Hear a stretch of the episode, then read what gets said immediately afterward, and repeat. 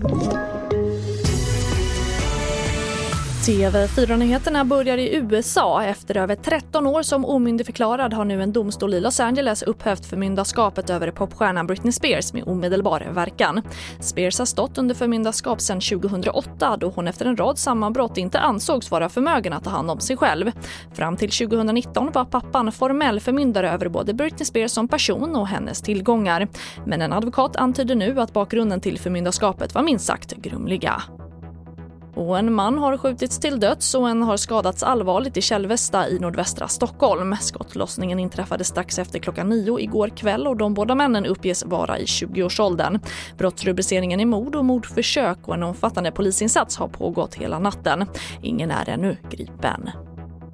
Och en nämndeman utsedd av Vänsterpartiet i Göteborg har skrivit texter där han hyllar sharia-lagar och argumenterar för att män har rätt att slå trotsiga fruar. Det här skriver nättidningen Doku. Mannen har varit engagerad vid Göteborgs moské och har kopplingar till Muslimska brödraskapet. Han har dömt i flera rättegångar i Göteborgs tingsrätt, bland annat i mål som rört kvinnomisshandel där han som enda nämndeman velat fria den åtalade. TV4-nyheterna, jag heter Charlotte Hemgren.